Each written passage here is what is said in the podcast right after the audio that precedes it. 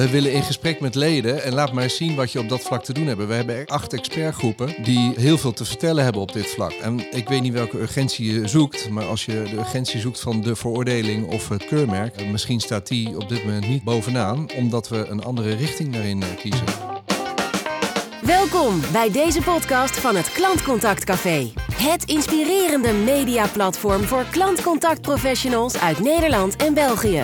Roelof Hemmen interviewt hier de hoofdrolspelers uit de klantcontactsector. Journalistiek, scherp en inhoudelijk. Kijk eens, hè, wij doen de klantenservice voor die organisatie, maar dan wel tegen voorwaarden waarvanuit je weet dat is niet goed voor de organisatie, dat is niet goed voor de medewerker. En daarmee helpen we uiteindelijk die branche niet verder. Het Klantcontact Café wordt mede mogelijk gemaakt door Inspire Group. Het uitzendbureau voor de klantcontactsector. Fijn dat je luistert. We gaan een paar harde noten kraken over het imago van de klantcontactsector. Dat imago is niet best, al jaren niet eigenlijk. Ik ga erover praten met Wietse Westerhuis. Hij is directeur van de Klantenservice Federatie. En Chantal Rovers is hier en zij is manager Customer Care bij Sports Unlimited Retail. Leuk om jullie te spreken. Goedemorgen. Uh, Chantal, jij plaatst een hartekreet op LinkedIn waarin je zegt dat het anders moet in jouw sector. Wat bevalt je niet aan deze sector? We hadden maar drie kwartier, toch? Nee, nee er bevalt mij een heleboel wel. Uh, en ik denk dat het uh, voornaamste wat me niet bevalt, is dat alles wat wel bevalt voldoende belicht wordt.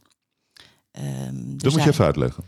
Nou, ik denk dat er heel veel goed gaat, maar dat er te veel um, aandacht is voor de negativiteit die wat, er speelt. Wat, wat is de negativiteit? Wat bedoel je daar precies mee? Als je kijkt naar de um, beeldvorming die er is aan de hand van verschillende artikelen die zijn verschenen. Uh, het kan gaan om het bekende plaskettingverhaal. Het kan gaan om het stuk van Follow the Money recent. Het kan ook gewoon gaan om de wenkbrauwen die omhoog schieten op een verjaardag. Als ik vertel dat ik in klantcontact werk. Mm, mm. Er hangt een bepaald beeld omheen wat volgens mij niet terecht is. Uh, maar wat wel steeds het enige is wat naar voren komt. Uh, dus ik denk dat we uh, het op een andere manier moeten aanpakken en dat positieve geluid veel meer moeten gaan benadrukken. Oké, okay, nou daar gaan we het over hebben. Wietse, wat, wat, wat, wat, is jouw gevoel bij de klantcontactsector als het gaat over dat negatieve imago? Uh, ja, ik heb dat gevoel wat minder dat het negatief is. Ik, heb wel, ik zie wel dat er uh, negatieve uitingen zijn. Dat er hmm. uh, de journalistiek de het negatieve opzoekt. En ja, ik, ik lees dat niet altijd, want ik denk ja het is een uiting, het is een mening. Uh, ik zie heel veel positieve dingen in deze branche. En dat het te verbeteren is, ja, dat klopt. Ja, er is echt heel veel te verbeteren. Wat dan? Uh, nou, ik denk dat uh, als het gaat om. We, we, hebben het heel vaak over de salarissen. Nou, de, daar is nog wel wat in te doen. We zijn recent gestart met onderzoek om ook maar eens echt te kijken van hoe, zit, hoe steekt het nu echt in elkaar? Is, is het salaris in klantcontact echt heel erg slecht? Dat is iets meer dan het minimumloon. Ja, maar ik denk dat er ook heel veel contactcenters zijn uh, waar dat eigenlijk best wel oké okay is of zeer goed geregeld is. Uh, want ja, klantcontact is natuurlijk niet alleen de facilitaire contactcenters, maar dat zijn ook de in-house contactcenters. En die vergeten we nog wel eens. En ik denk dat je uh, dit vraagstuk gewoon breder moet bekijken. En niet alleen naar wat aan de onderkant bungelt. Want dat is waar vaak toch wel het grote glas op staat.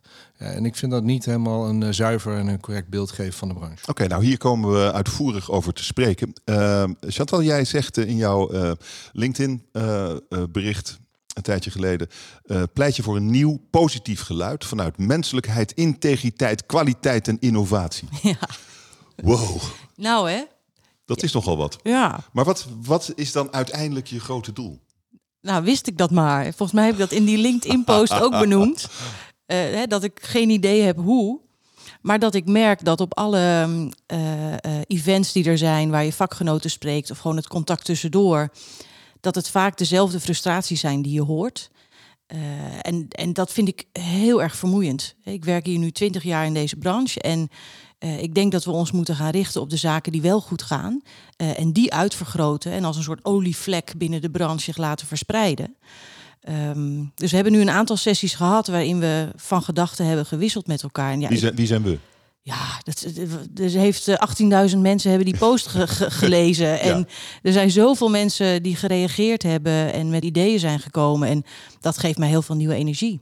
En als je het dan hebt over het uiteindelijke doel geen idee of we die olievlek kunnen gaan worden. Uh, maar dan heb ik het op zijn minst geprobeerd. Maar wat jou, wat jou voor ogen staat, is meer aandacht op de positieve elementen van je vak dan op de negatieve. Ja, dat, en, dat, je zegt niet, laten we dat negatieve omkeren. Laten we het positief proberen te maken. Nou, maar ik, ik ben in mijn eentje, ben ik dit begonnen. Dat, dat vind ik nogal een, Inmiddels een, een klus. 18.000 dus Ja, nou, niet iedereen had een positieve reactie op mijn bericht. Ehm, maar nee, het negatieve ombuigen naar het positieve. Ik, ik denk dat dat, het is dusdanig beeldbepalend. En ik wil daar een ander beeld naast gaan zetten. Ehm, met hopelijk uh, uiteindelijk dat de, de mensen of de partijen die het negatieve beeld in stand houden ja, dat die een soort van uh, eenzame dood sterven. Uh, als ze de zaak niet op orde krijgen. Maar wat, wat ja, we, moeten, we moeten misschien toch eens even wat preciezer gaan kijken naar wat dan dat negatieve beeld precies is. Nou, kijk, ik werk al met twintig jaar heel, met heel veel plezier binnen deze branche. En ik, ook ik heb dingen gedaan die hebben bijgedragen aan een negatief imago. Wat, wat heb jij gedaan? Als medewerkers tien minuten te laat kwamen, moesten ze een half uur langer blijven dat, dat, dat vind ik vanuit het mensgerichte wat ons vak zou moeten zijn, niet fair. Dat is gewoon niet eerlijk. Mm, en verder? en verder denk ik dat we situaties in stand hebben gehouden. Ehm, waarin we strategische accounts, hè, dus vanuit de facilitaire tak, dat het dan heel interessant kan zijn om een bepaalde naam als opdrachtgever te hebben. Ehm, van kijk eens, hè, wij, wij doen de klantenservice voor die organisatie. Maar dan wel tegen voorwaarden waarvanuit je weet, dat is niet goed voor de organisatie, dat is niet goed voor de medewerker. Uh, en daarmee helpen we uiteindelijk die branche niet verder. Zit het dan iets vooral in hoe medewerkers behandeld worden, dat imago? Ja, kijk, klantcontact heeft natuurlijk wel een beetje een historie uh, wat dat aan gaat. Uh, er wordt heel strak gestuurd. Alle, alles is inzichtelijk, alles is informatie. Uh, en een contactcenter is toch een rekenkundige exercitie, zeg ik altijd. Dus je kunt van tevoren uitrekenen hoe je goed bereikbaar bent. Ja, en dan is de consequentie dat je je daar moet houden. Uh, dat betekent uh, mensen moeten beschikbaar zijn om een telefoontje aan te nemen. Uh, hetzelfde als dat ik in de supermarkt ben, dan moet er wel een cashier zitten om af te rekenen. En soms slaan we daar een beetje in door. En in Wat wil je met doorslaan? Geef eens een voorbeeld. nou, dat we echt op de minuut gaan lopen managen. dat we op de minuut mensen aanspreken op hun gedrag. En ja, weet je, ik, ik weet inderdaad dat, we, eh, dat er bij heel veel contactcenters uh, mensen dan uh, gemaand worden dat ze kortere gesprekken moeten voeren. Dat is een oude discussie. Nou, inmiddels zie ik dat in de loop van de jaren verbeteren. Maar ik weet dat het vanuit historie, ja, dan werd er wel heel strak op gestuurd. En wij vanuit de, vanuit de consultie wist ik dat 9 van de 10 keer dat de medewerker er helemaal niks aan kon doen. Uh, maar goed, dat is in de loop van de jaren is dat wel beter geworden. Maar dat, uh, dat sleept misschien nog wel een beetje achter uh, ons aan.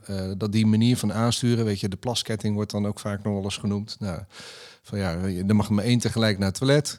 Ja, dat is een beetje kinderachtig. Uh, maar dat zijn denk ik de excessen die uh, continu uitvergroot worden. En ik weet dat het bij heel veel contactcenters al lang niet meer zo is. Dat, dat is echt historie die we misschien dan uh, willen vergeten. Maar dat is niet meer zo. jullie hebben eigenlijk het imago zo grondig verpest de afgelopen jaren dat het nog een hele klus wordt om het te verbeteren. Dat nou, is eigenlijk dat, wat ik hoor bij jullie. Nou, daar wil ik dan wel iets scherper tegengas op geven. Ik denk niet dat we per se het imago verpest hebben. Uh, want er gebeuren wel degelijk hele goede dingen. Maar misschien zijn we wat minder goed in wat Chantal zegt om hetgene wat we goed doen, om dat eh, goed te belichten. En aan de andere kant ja, vinden we het kennelijk ook heerlijk om iedere keer eh, de negatieve dingen te blijven herhalen. En dat ik denk, ja, maar dat is toch echt 15 jaar geleden. Waarom, waarom heb je het erover? Maar ben jij dan wel blij eigenlijk, Wietse, met wat Chantal heeft gedaan? Ja, uh, ik, ik, ben, ik ben eigenlijk met alle dingen blij die enigszins disruptive kunnen zijn. Dit was wel disruptive. Ik hoop het. Uh, weet je, ik hoop niet dat dit uh, weer iets is waar iedereen op aan kan haken. Van nou, zie je wel, zie je wel. Nee, ik hoop dat, dat hier dus ook mensen tussen zitten die niet alleen A zeggen, maar ook B en C doen. En, en zie je dat al, Chantal? Niet iedereen is positief natuurlijk, kun je ook lezen onder de post. Maar, nee, dat is prima. maar veel wel, denk ik. Ja, ja, en dat heeft me ook echt wel verrast dat het uit zoveel verschillende hoeken is gekomen. En um, nou ja, je ziet dat mensen bereid zijn geweest om een, een vragenlijst in te vullen waarmee ze mij meer input hebben gegeven. Hè, waar ze zelf als professional behoefte aan hebben vanuit de branche. Maar ook gewoon als je kijkt de branche als geheel hè, waar de verbetering zou moeten liggen. En we gaan op, uh, op 10 maart gaan we dat een vervolg geven in de vorm van een hackathon. Um, omdat ik al twintig jaar dezelfde gezichten om me heen zie. Ik noem het wel eens de, de incestueuze community van klantcontact vind ik het belangrijk om een nieuw geluid toe te voegen. Dus um, je mag deelnemen aan de hackathon als je iemand anders met je meeneemt, van buiten de branche of onder de 30 omdat ik denk dat we die impulsen van buitenaf nodig hebben om echt op een andere manier te gaan kijken en het anders te doen. Ja, ja. En waar, waar, waar, waar zit dat vooral in? Wat de, de reacties die je, die je krijgt, wat, wat is de, de grote gemene delen van al die reacties? Nou, wat, wat moet anders? Er zijn een aantal punten uh, naar voren gekomen. Het, het mensgerichte. En dan met name uh, dat we afstappen van uh, het zien als een medewerker of een klant als concept. Dus er wordt heel erg gekeken naar een customer journey of naar mm -hmm. employee satisfaction. Maar dat is vaak heel erg conceptueus, bijna op een marketingachtige manier een campagne bedenken rondom dat thema van die klant of die medewerker. Terwijl het zijn gewoon mensen, net als jij en ik. En, en, en kijk naar die laag die daaronder zit. Je ziet dat mensen behoefte hebben aan een een, een kwaliteitsnorm. Uh, de, de servicebelofte die de, de KSF uh, eh, voor ogen heeft. Nou, prachtig geformuleerd, nou, niks mis ik, mee. Maar... Laat, ik, laat ik hem eventjes voorlezen. Ja. Uh, het is de zevende servicebelofte van KSF. Wij zorgen er met onze organisatie voor dat wij bijdragen aan een goede beeldvorming over de sector. Nou, laten we dat eens even beetpakken. Wat doe je? Wat we doen? Uh, nou, we hebben een paar maanden geleden een hele duidelijke beslissing genomen. Uh, omdat we iedere keer de discussie hadden over het negatieve imago en alles wat onderaan bungelt, zeg ik even oneerbiedig. Ja, uh, wat onderaan bungelt, uh, dat bungelt altijd onderaan. Want snij je het weg, dan heb je weer iets nieuws wat onderaan bungelt. en wij zijn niet de contactcenterpolitie. Uh, ja, wij, wij willen heel graag werken vanuit wat zou kunnen en daar een voorbeeld of in ieder geval inspirerend doel neerzetten. Wat dan bijvoorbeeld? Nou, die zeven servicebeloften, uh, daar kun je van vinden wat je van vindt. Hè. Die kunnen we aanscherpen. Die kun je linksom, rechtsom, uh, kun je uh, daar met elkaar. nou, dit, nog dit is glashelder. Jullie moeten bijdragen aan een goede beeldvorming. Ja, maar de vraag is altijd: wat is een goede beeldvorming? Exact. En, en, en als je in een branche zit zoals die van ons, dan heb je heel veel verschillende spelers die daar allemaal op hun manier naar kijken.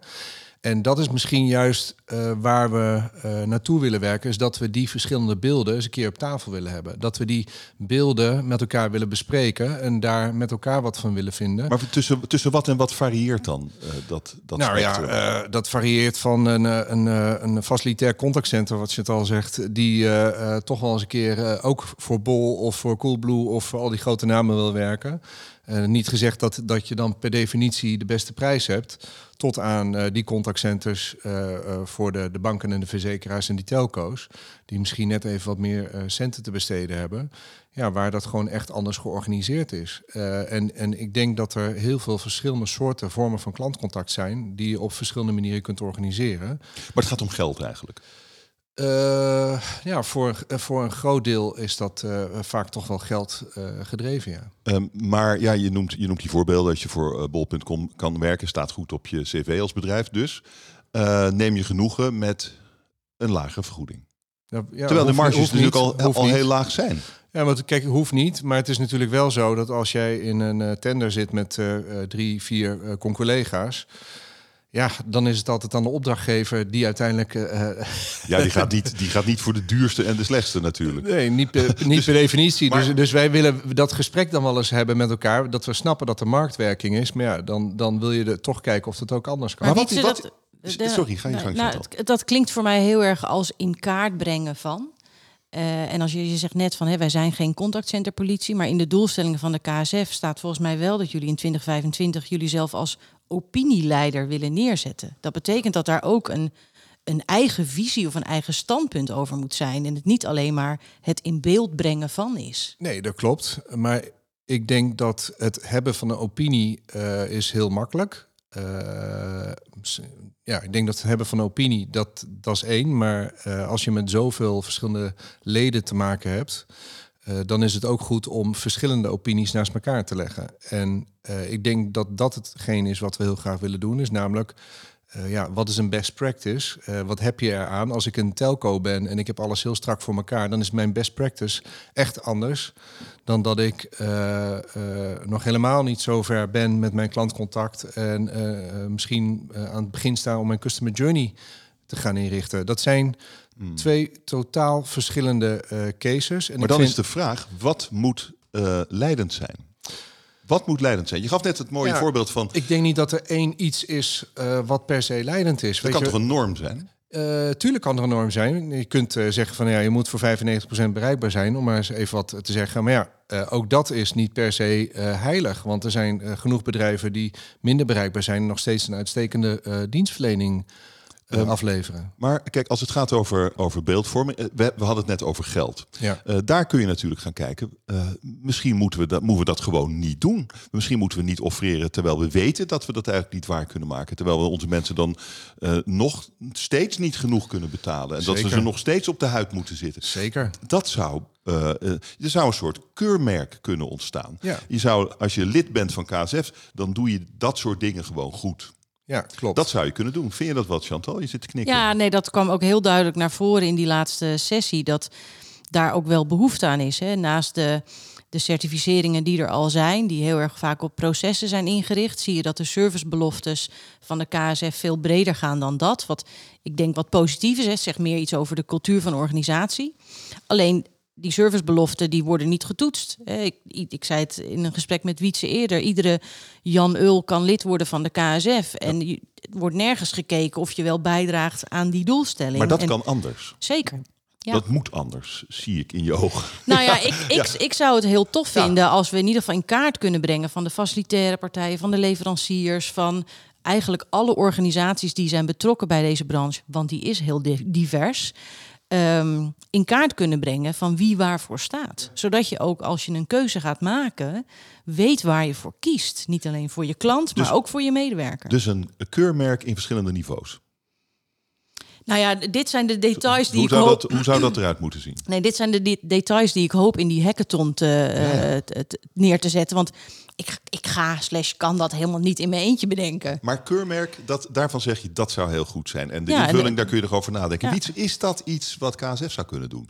Een keurmerk. Ja, wie moet het anders doen? Je, je, je ziet mij een beetje twijfelend knikken. Uh, ik weet het niet. Uh, we, daar hebben we intern natuurlijk ook wel veel gesprekken over. Van ja, kun je een keurmerk in stand, uh, of kun je dat überhaupt eh, in, in, de markt gaan zetten en dan in stand houden?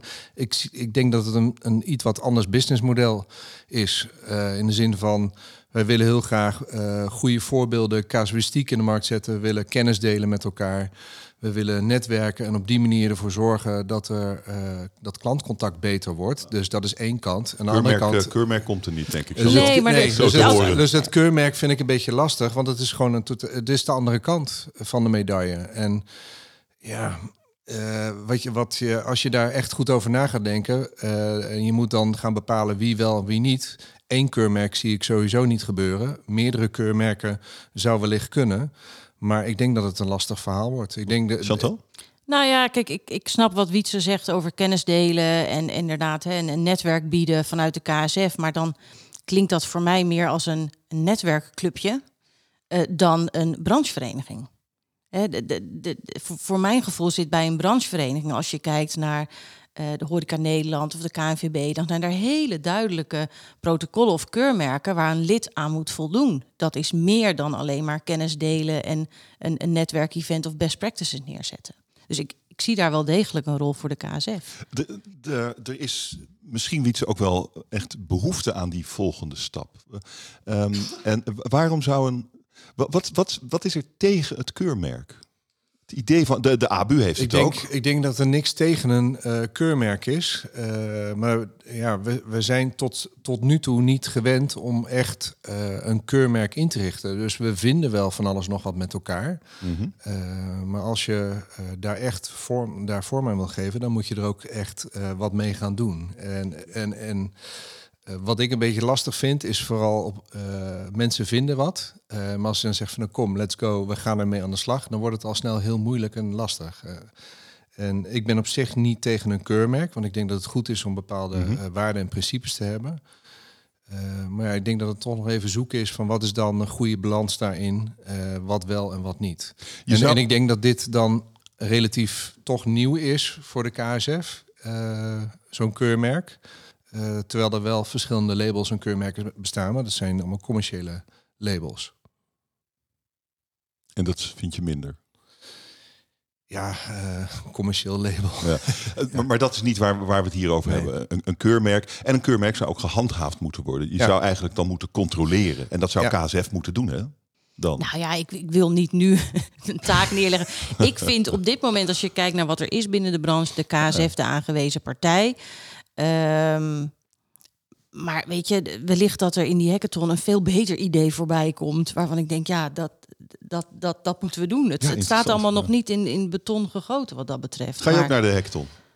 Ik heb tegen Chantal gezegd dat ik ook naar de hackathon ga. En wie neem je mee?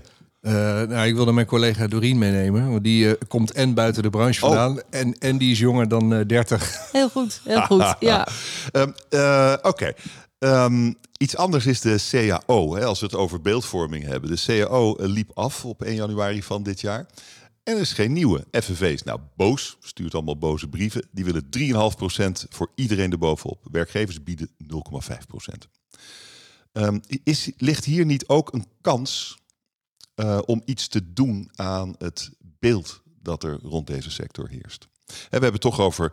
Uh, ik, ik, ik meen dat, maar goed, je bent dat aan het onderzoeken. Ik, wat ik over vind is dat het uh, bruto uurloon tussen de 10 en de 13 euro ligt. Uh -huh. um, ja, dat, dat is natuurlijk niet veel. We hebben te maken met een hele hoge inflatie op dit moment. Ja. Uh, de bond vraagt echt serieus veel meer dan de werkgevers bieden. Ehm, waarom niet nu een groot gebaar gemaakt? Weet ik niet. Dan vraag je mij om antwoorden. Dan vraag je mij een vraag te beantwoorden die uh, ja, bij uh, die bedrijf ligt. Ik weet het niet. Ben je leden? Ja, van, bij een deel van de leden. Uh, ik weet niet. Maar ben je, ben, je, ben, je het, ben je het eens met de stelling dat, dat hier een kans zou kunnen zijn voor een bedrijf om iets goed te doen? Er is veel geld verdiend de afgelopen jaren in de sector. Zeker, er ligt zeker een kans. Maar ik kan niet in de portemonnee van die bedrijven kijken en ik ga daar niet over. Dus ik kan van buitenaf heel makkelijk zeggen: ja, dat moeten we doen met z'n allen. Uh... Weet je wat ik ook gek vind?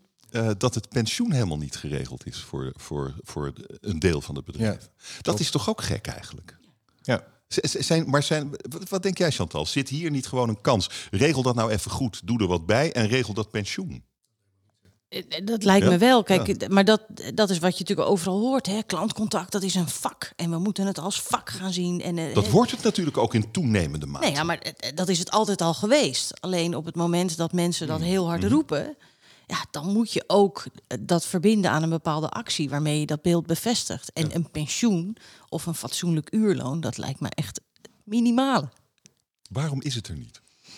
Oh, als ik dat wist, dan hadden we dit gesprek nou denk ik niet gehad. Maar ja, ik, ik, uiteindelijk komt het allemaal neer op een, op een financieel plaatje. En denk ik dat we, nou ja, dat we moeten gaan zien wat het oplevert op het moment dat je meer investeert in je medewerkers. Want dan hoef je geen afspraken te maken over dat er maar één iemand tegelijkertijd mag plassen. Nee.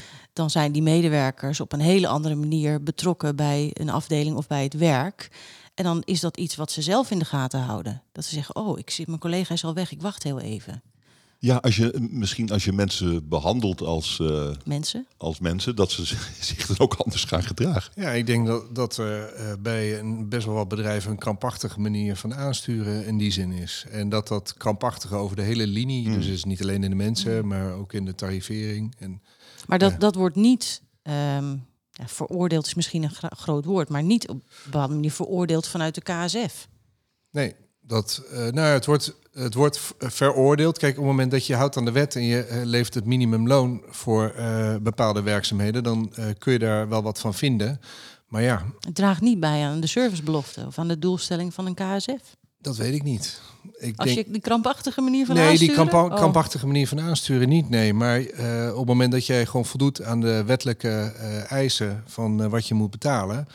Ja, maar dit vraagt, om, uh, dit vraagt misschien om uh, moreel leiderschap. Als je uh, opinieleider wilt zijn, dan is dit Ja. een opinie die je zou kunnen hebben, zou kunnen ontwikkelen. Nou ja, ik denk dat, het, eh, dat ieder bedrijf zichzelf in de ogen moet aankijken. Is van oké, wa- wat hoort bij goed werkgeverschap? Dat, dat, ik zou dat denken dat KSF dat zou moeten doen. Eh, en wij denken dat we daarin eh, het voortouw kunnen nemen door ja. die voorbeelden te laten zien waar dat ook daadwerkelijk kan. Want ik, kijk, ik geloof, natuurlijk iedereen wil geld verdienen, maar iedereen wil natuurlijk ook eh, eh, de, de best practice eh, hebben en zijn.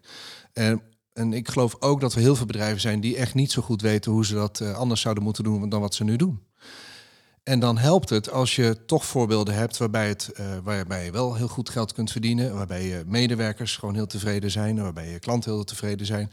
Maar dan moet je die voorbeelden laten zien. En ik vind dat we nog steeds niet genoeg van dat soort voorbeelden laten zien.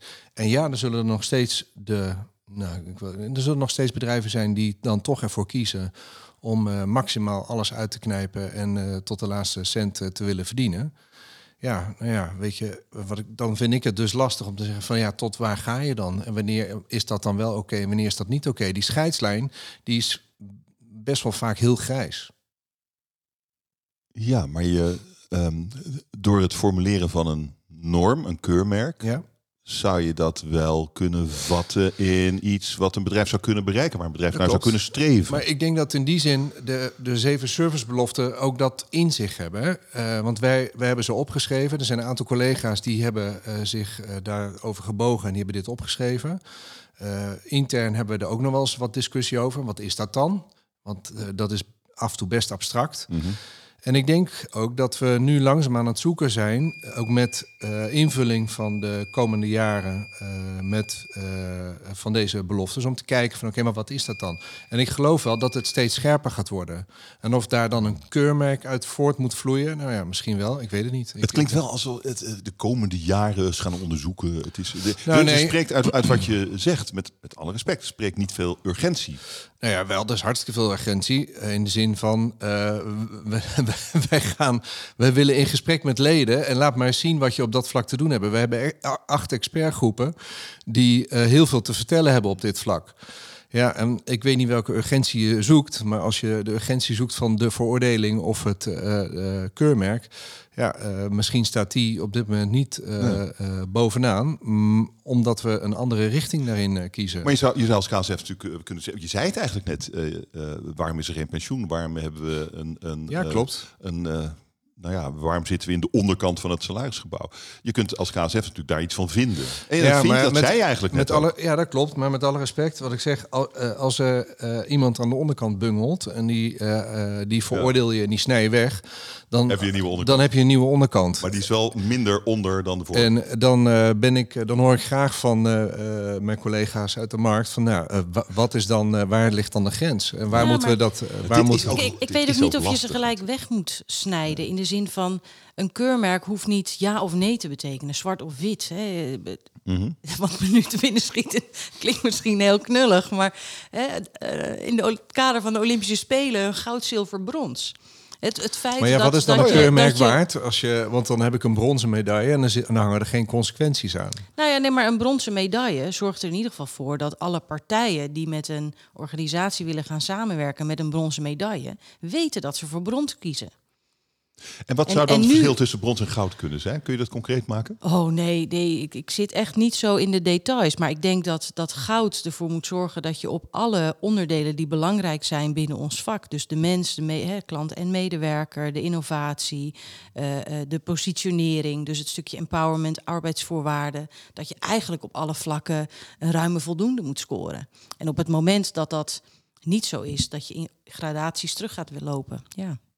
Ehm, de, ik, ik, ik heb eh, me natuurlijk ter voorbereiding eh, op ons gesprek eh, ver- verdiept in het imago van jullie sector. Voor, eh, eh, en dan zie je eigenlijk dat de, de, sector zelf ook niet echt aan haar imago werkt. Het eh, verhaal van Follow the Money van vorige zomer. eh, daaruit komt echt het beeld naar voren van de klantcontactsector als een, als een, een coronazakkenvuller. Ehm, we, we, hebben, nou ja, we hebben allemaal gelezen, Follow the Money toonde vorige zomer eigenlijk aan dat bedrijven de GGD een tientje boven de marktprijs per telefoonuur hebben gevraagd. Ehm, wat is dat? Hoe kwalificeer je dat gedrag, Wietse? Tja, uh, weet je, op het, uh, op het eerste oog lijkt dat een extreem hoog bedrag, eens. Uh, maar ja, dan gaan we aan tafel zitten en dan gaan we het erover hebben. Ja, wat, wat vinden we hiervan, wat moeten we hiermee? Ja. Dan ga je follow the money zelf bellen. Die willen geen informatie overhandigen over hun bronnen of wie wat gezegd, gezegd heeft en hoe dat precies in elkaar steekt. Ja, en op een gegeven moment kom je dan op het punt van ja, wat, wat kun je dan? Eh, KSF heeft niet de autoriteit om bij bedrijven aan te kloppen en de boeken onder de arm te nemen en even uitgebreid te gaan uitvogelen hoe dat dan precies gegaan is en of dat wel klopt allemaal. Dus dat is best lastig. dan is er een onderzoek gestart door de Rekenkamer. Nou, volgens mij is dat ook de plek waar dat hoort.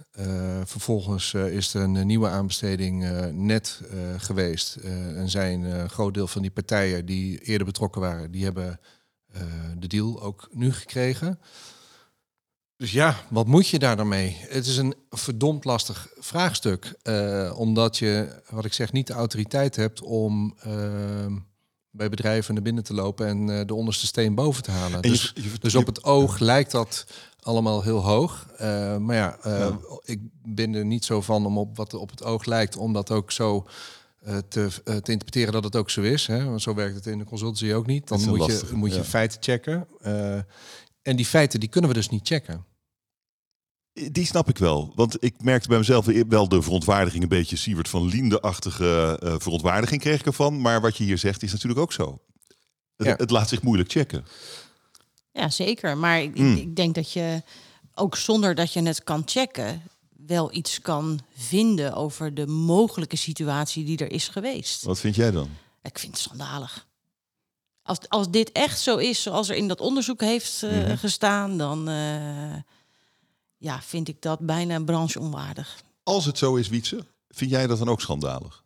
Als uh, echt blijkt dat er uh, onredelijk veel geld gevraagd is, ja, dan vind ik dat niet kunnen. Wat zou er dan moeten gebeuren met uh, de bedrijven die dat gedaan hebben? Zouden ze, moeten, moeten ze dat terugbetalen of moeten ze gerooieerd worden als lid van de Hoe, hoe zou je, moet je daar iets mee? Als, ik vind, ik vind als eerste moet de opdrachtgever hier iets mee. Ja. En als sector? Ik, als sector vind ik het niet chic. Ik vind het echt, eh, als, als dat, laten, we, laten we even heel duidelijk uh, voorstellen. Als blijkt dat er overvraagd is, dus dat er veel meer geld gevraagd is dan uh, wat het contract in zich heeft qua kosten en alles wat er gedaan moet worden. Ja, Allah. Maar nogmaals, ik weet het niet. En ik vind speculeren en uitspraken doen over iets waarvan ik niet weet of het zo is, vind ik een beetje lastig. En vind ik ook ja, vind ik ook niet helemaal kies. Tuurlijk, als, je als de overheid meer betaalt dan nodig, ja, is niet chic. Maar ik weet niet of het zo is. Het, het oogt zo en het lijkt zo, maar ik weet het niet. En los van of we er niet zeker weten of het zo is, wat ik denk ik nog wel het allerergste vond, is dat niemand echt verbaasd was binnen deze branche. Zo'n verhaal komt naar boven Hè, mensen zijn heel voorzichtig van is het wel of niet waar. Maar niemand die zegt nee, maar dit, dit kan, dit, dit kan, nee, dit, dit binnen onze branche, ik kan het me niet voorstellen. Niemand die dat heeft gezegd. Wat, wat vertelt jou dat over nou de staat waarin de branche verkeert? Nee, omdat we ergens bepaalde situaties gewoon misschien wel herkennen. En dat vind ik nog het ergste. Wat bedoel je daar precies mee?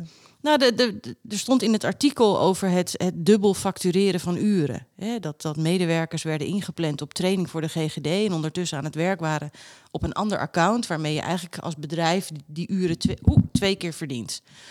Ehm, ja, dat spelen met uren, hè, waar we het net al over hadden, dat, dat echt zo strak op die kosten zitten. Dat is fraude. Dat is fraude, maar het komt mij niet onbekend voor. Is dit iets wat vaker gebeurt? Ik denk het wel. Anders had nu de hele branche wel op zijn achterste poten gestaan om te zeggen: nee, maar dit, dit kan ik me niet in voorstellen dat dit gebeurt binnen onze branche. Ja, maar het is natuurlijk verschrikkelijk als dat, als dat vaker gebeurt. Ja, natuurlijk. Wat denk jij, Wietse? Ja, letterlijk. Ik ga hier echt geen uitspraak over doen. Ik vind, uh, uh, als het, als dat gebeurt, is het knetterverwerpelijk en is het niet oké. Uh, dat er uh, creatief met uren, of dat er, de, laten we zeggen, dat er zo uh, gewerkt wordt dat je maximaal je uren goed besteedt. Ja, dat geloof ik zeker. Of er gefraudeerd wordt. Weet ik niet, doe ik geen uitspraak over. Vind ik, vind ik, eh, nee, vind ik, vind ik kies. Ehm, er, is, eh, er is de KSF, maar er is ook nog de CCMA, hè, de Customer Contact Management Association. Ja. Dat is eigenlijk de andere branchevereniging. Ehm, Beroepsverenigingen. ja, wat, wa- wat is het verschil? Eh, nou ja, ik, ga, ik ben eh, hier interim en ik, ga, en ik, ik ben sinds de zomer ben ik mij erg aan het verdiepen in branche- en beroepsverenigingen.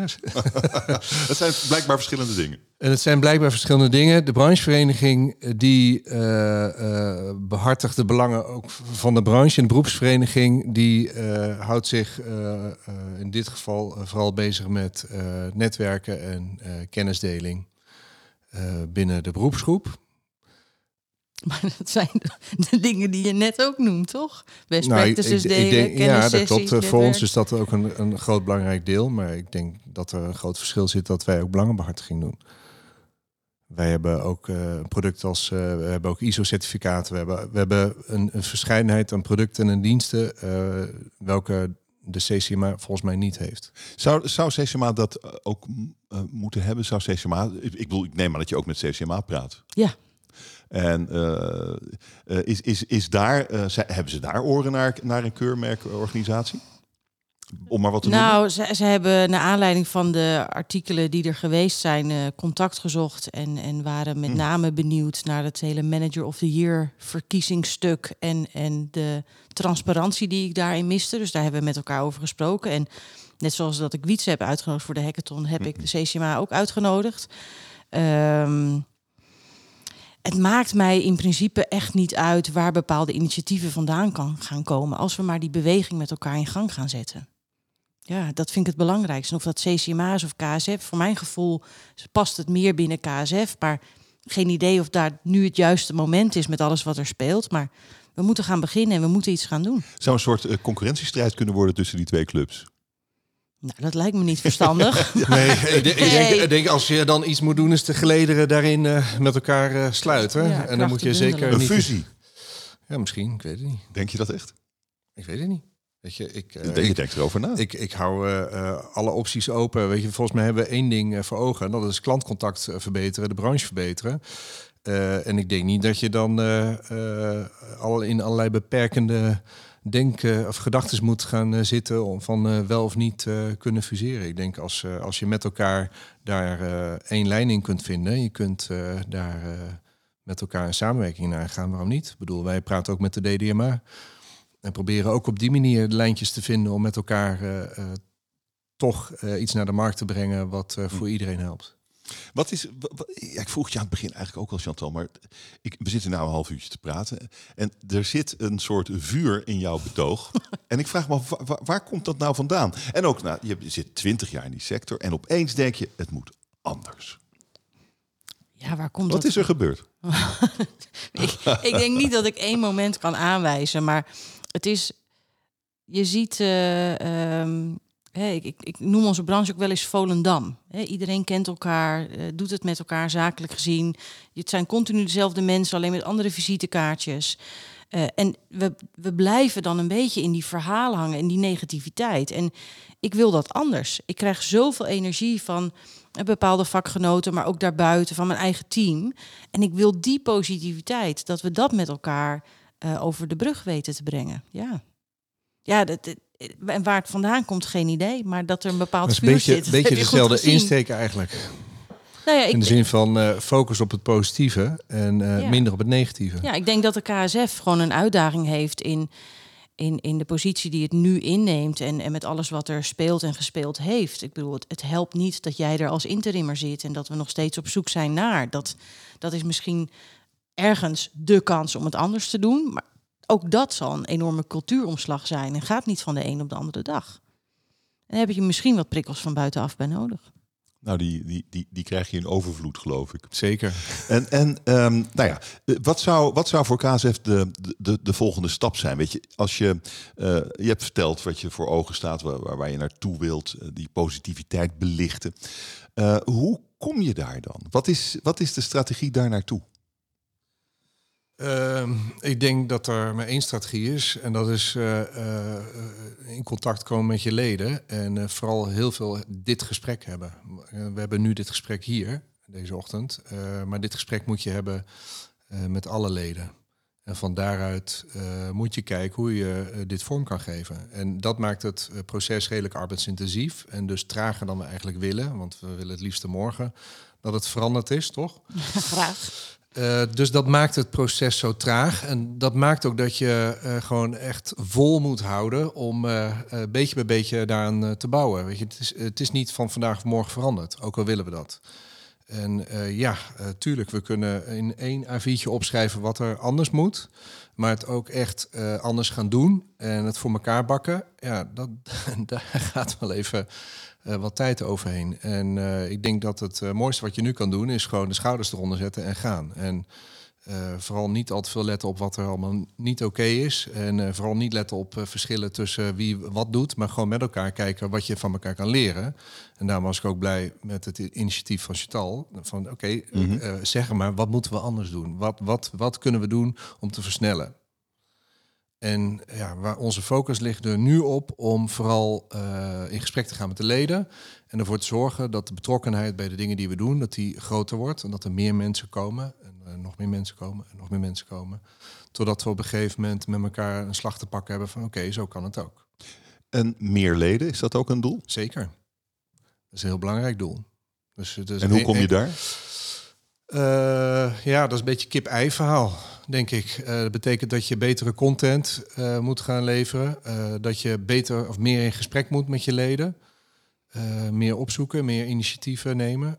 Um, en anderzijds gewoon bij leden op bezoek. En ervoor zorgen dat de mensen die lid zijn, of de, de, de, bedrijven die lid zijn, dat die ook hun mensen sturen. Oh, dat is een hele belangrijke. We zien nu best wel vaak dat één iemand is lid omdat hij ja. het belangrijk vindt.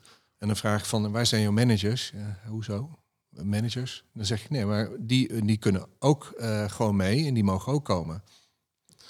Dus daar ligt nu vooral de focus op om bij iedereen die lid is, ja, stuur je specialisten, stuur je managers of stuur, je teamleiders. Uh, of je medewerkers. Ja, of je medewerkers. I iedereen die dus uh, iets bij te dragen heeft of juist iets wil halen, of iets wil leren, ja, stuur ze. En misschien zit daar nog wel de grootste groei tussen mhm. haakjes, uh, dat we gewoon het, het gebruik van de, de evenementen, dat we dat uh, kunnen we veel meer laten groeien om, door op die manier mensen aan te trekken. Zie jij Chantal als een potentiële concurrent van KZ? Nee, helemaal niet. Ben jij, ben jij misschien een concurrent van KZ? Echt helemaal niet. Dat heeft, nee. Nee, zo voelt dat ook zeker niet. Nee, ik ben gewoon uh, eigenwijs de drol die uh, vanuit uh, de betrokkenheid bij de branche een initiatief is gestart. En ik hoop dat daar mooie dingen uit gaan komen. En ik heb gezegd in een heel ander gesprek dat als ik uit alle sessies die er gaan komen, iedere keer een volgend concreet punt kan halen waar ik mijn tanden in kan zetten en waar ik mee door kan gaan, dan is het wat mij betreft geslaagd. Dan, dan heb ik het gevoel dat ik op mijn manier een steentje aan het bijdragen ben aan dat positieve geluid. En ehm, nee, niet als concurrent voor ik de heb, KSF. Ik heb, al, ik heb al verteld dat we een vacature hebben bij de KSF. voor directeur. Ja, voor directeur. nee. Schud nee. Nee hoor, nee zeker niet. Nee. Waarom is het nou zo moeilijk om een directeur te vinden? Ik wil niks tegen jou natuurlijk, maar ja, je, ik, voor jou is het een interim plus. Ik weet niet. Ik denk dat, we, dat, we, uh, dat, dat het bestuur heel zorgvuldig wil zijn in wie ze nu op deze uh, positie neerzetten. Want er zijn heel veel ogen die meekijken en iedereen die er wat van vindt. Dit is het kantelpunt. Uh, Dit is echt het kantelpunt. Ja, ik denk, kan het zijn? Nou, ik denk ja. zeker dat het een kantelpunt is, want we gaan gewoon weer een, een nieuwe richting op. En een directeur is toch zeer bepalend hierin. Ik wens jullie alle twee heel veel succes en dank jullie zeer voor dit gesprek. Luister vooral ook naar de andere podcast van Klantcontact Café. En abonneer je dan meteen even, krijg je steeds de nieuwste. Dag. Het Klantcontact Café wordt mede mogelijk gemaakt door Inspire Group. Het uitzendbureau voor de klantcontactsector.